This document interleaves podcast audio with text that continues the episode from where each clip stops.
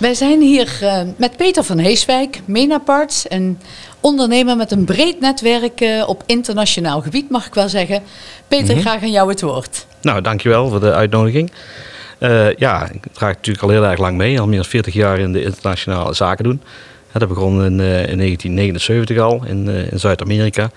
En uiteindelijk is dat de hele wereld over gezworven. En we zitten vandaag zitten we voor een uh, thema netwerk. Hè, maak werk van je netwerk. Daar heb ik net ook een presentatie voor mogen geven. En het gaat er eigenlijk om dat ja, ik wil het dan liever omdraaien, heb ik net gezegd. En ik wil dan liever dat mijn netwerk uh, voor mij gaat werken. En dat is ja, wat makkelijker om tot contacten te komen en uiteindelijk tot, tot zaken te komen. Dus daar heb ik een aantal voorbeelden van gegeven. En ja, ik heb twee onderwerpen aangesneden, maar zo kan ik er nog wel een stuk of 50 meer bedenken. Maar er is de tijd kort voor geweest. Dus ik denk dat, uh, dat de mensen wel een beetje hebben begrepen dat, uh, dat als je, je je contacten gebruikt om die voor jou te laten werken, dus een soort, ja, actueel zeg maar een soort virus, netwerkvirus, dat je dan die uh, reproductie naar de plus 2 moet brengen. Hè, dus ondanks dat Van Dissel het naar min, min 1 wil brengen, is het voor netwerk wel zaak om het om ja, zorgen dat je de kaartenbak wordt aangevuld en dat andere mensen jou in contact brengen met contacten waar die, die weer op hun beurt uh, vertrouwen hebben. En daardoor heel snel en laagdrempelig snel zaken gedaan kunnen worden. Zeker in deze tijd, hè, waar we allemaal toch uit zijn op uh, groei van onze zaken. Hè, dat het moeilijk is om de mensen te bezoeken. Hè. Inkopers zitten thuis. Mensen willen geen bezoek hebben van vreemden op dit moment, hè, vanwege smetvrees. Dat je toch andere manieren moet vinden om ja, toch je omzet op peil te houden.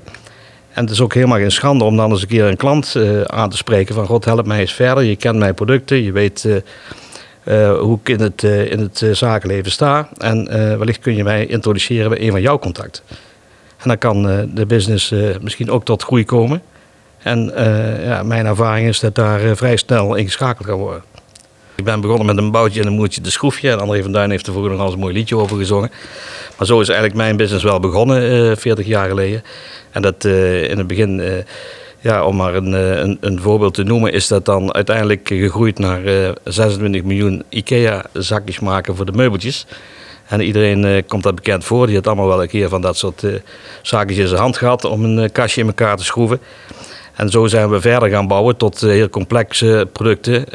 van, ja, wel altijd in de techniek gezocht. Maar wel altijd het pakket gegroeid, mede vanwege de ja, het vertrouwen van de klanten die zeggen van... Goh, kijk jij hier eens naar, want je hebt dit goed gedaan. Misschien kun je dit ook voor mij maken. En wellicht heb jij een goede producent voor ons ja, in Europa of, of, in, of nog verder weg. En, want wij zijn misschien niet tevreden met de huidige leverancier... of wij willen misschien wat leveranciers gaan strepen... dat ik het pakket wat breder maak. Nou ja, allerlei redenen. En als je dat vertrouwen dan niet beschaamt... en je komt met een goede prijs kwaliteitsproduct terug dan, uh, ja, dan rolt eigenlijk het, uh, het zaakje weer gewoon door. En dan kom je weer, uh, ja, dan, dan, dan breidt zo'n pakket breidt zich uit. En wat dan met een heel goedkoop centenartikeltje begon, dat kan resulteren in hele duurzame producten, zelfs tot, tot bijvoorbeeld 3D-printers binnenwerk, die wij ook op dit moment maken. Dus dat zijn wel ja, zo voorbeelden te noemen. En er zijn er legio, maar ik denk dat dat wel een beetje de kern van het verhaal is hoe je tot, uh, tot vervolgverhaal kunt komen en hoe je kunt groeien binnen de klant. Ik heb altijd geloofd in het bezoeken van beurzen, nog steeds. Misschien is het een beetje ouderwets in deze tijd met internet, dat we alles vrij vroeg, vroeg kunnen opzoeken. Maar het blijft toch een stukje persoonlijk contact, het, uh, het, pakken van producten, het zien van producten, het aanvoelen. De hele atmosfeer rondom een beurs, internationaal bezig zijn, heeft mij altijd wel heel erg bekoord. Ik heb ja, over heel de wereld beurzen bezocht en, en nog steeds. Vier, vijf beurzen per jaar probeer ik te pakken. En uh, ja, e-, een van de uh, beurzen waar ik zelf op stond, dat is dan in Utrecht, is een ingenieursbeurs. Daar, uh, daar geloofde ik niet in om daar een hele, ja, hele scala van artikelen te presenteren. Want het ging mij meer om het maken van het contact. En ik zorgde dan ook dat het laagdrempelig was, dat mensen makkelijk de stand binnenliepen. Uh, niet er meteen erachteraan en bovenop zitten, maar gewoon zorgen dat er een, ja, een aantrekkelijke bar is met een goed, goed pot bier, waar ze dan graag bleven hangen. En om die klanten dan toch te binden en zorgen dat ze, voordat ze naar huis gingen, toch nog even bij jou de stand langskwamen. Nodig ze uit om de jas en de tas bij ons te parkeren. En dan kregen ze een uh, zogenaamd garderobebonnetje. Dat zag er dan wel grappig uit. Maar ja, iedereen zit ermee. Je komt bij een beurs. Je moet in de rij gaan staan om je, jas in te leveren. Want nou, dan naar de rand ga je naar huis. En dan staat iedereen weer bij die garderobebalie te, te hannissen. En dan denk je, nou ja, gooi die zaken bij ons af. Wij zullen erover waken. Nou, dan heb je daar uh, zes uur op die beurs rondgewandeld. Dan ben je hartstikke moe. Dan ben je blij dat je stoel hebt. Dan zetten wij een pot bier en een bak pindas bij. Nou, dan maken we meteen contact met de klant. En dat, uh, ja, dat heeft mij altijd uh, toch wel behoorlijke voordelen en nieuwe contacten opgeleverd.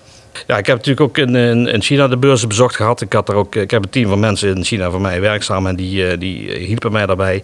Ik ging altijd alle gangen af, alle hallen heb ik gezien. Dus er waren behoorlijk wat, uh, wat, wat stappen, stappen die ik gezet heb als ik op de telefoon keek.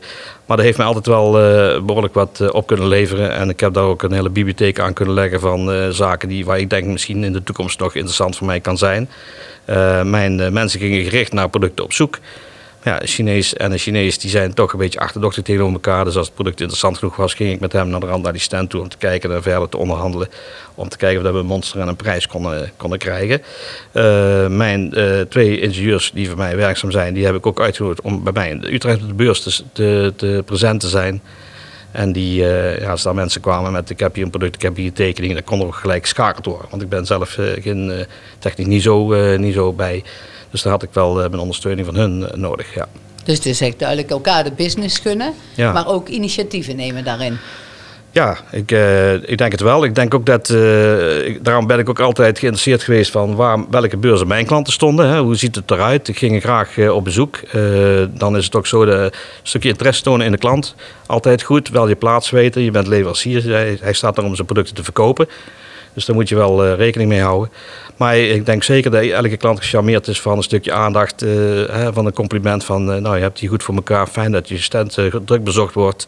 Ondertussen loop je over de beurs verder. Je ziet links rechts wat andere, misschien gelijkwaardige producten. Die, die je herkent en waar je misschien tot zaken kunt komen. Plus is het ook misschien wel een goede gelegenheid om bij iemand waar je vertrouwd bent, om daar een, een werknemer weg te halen. Hè? Dus een exportmanager denkt van, hé, hey, die man dat klikt goed, die nodig ik een keer uit.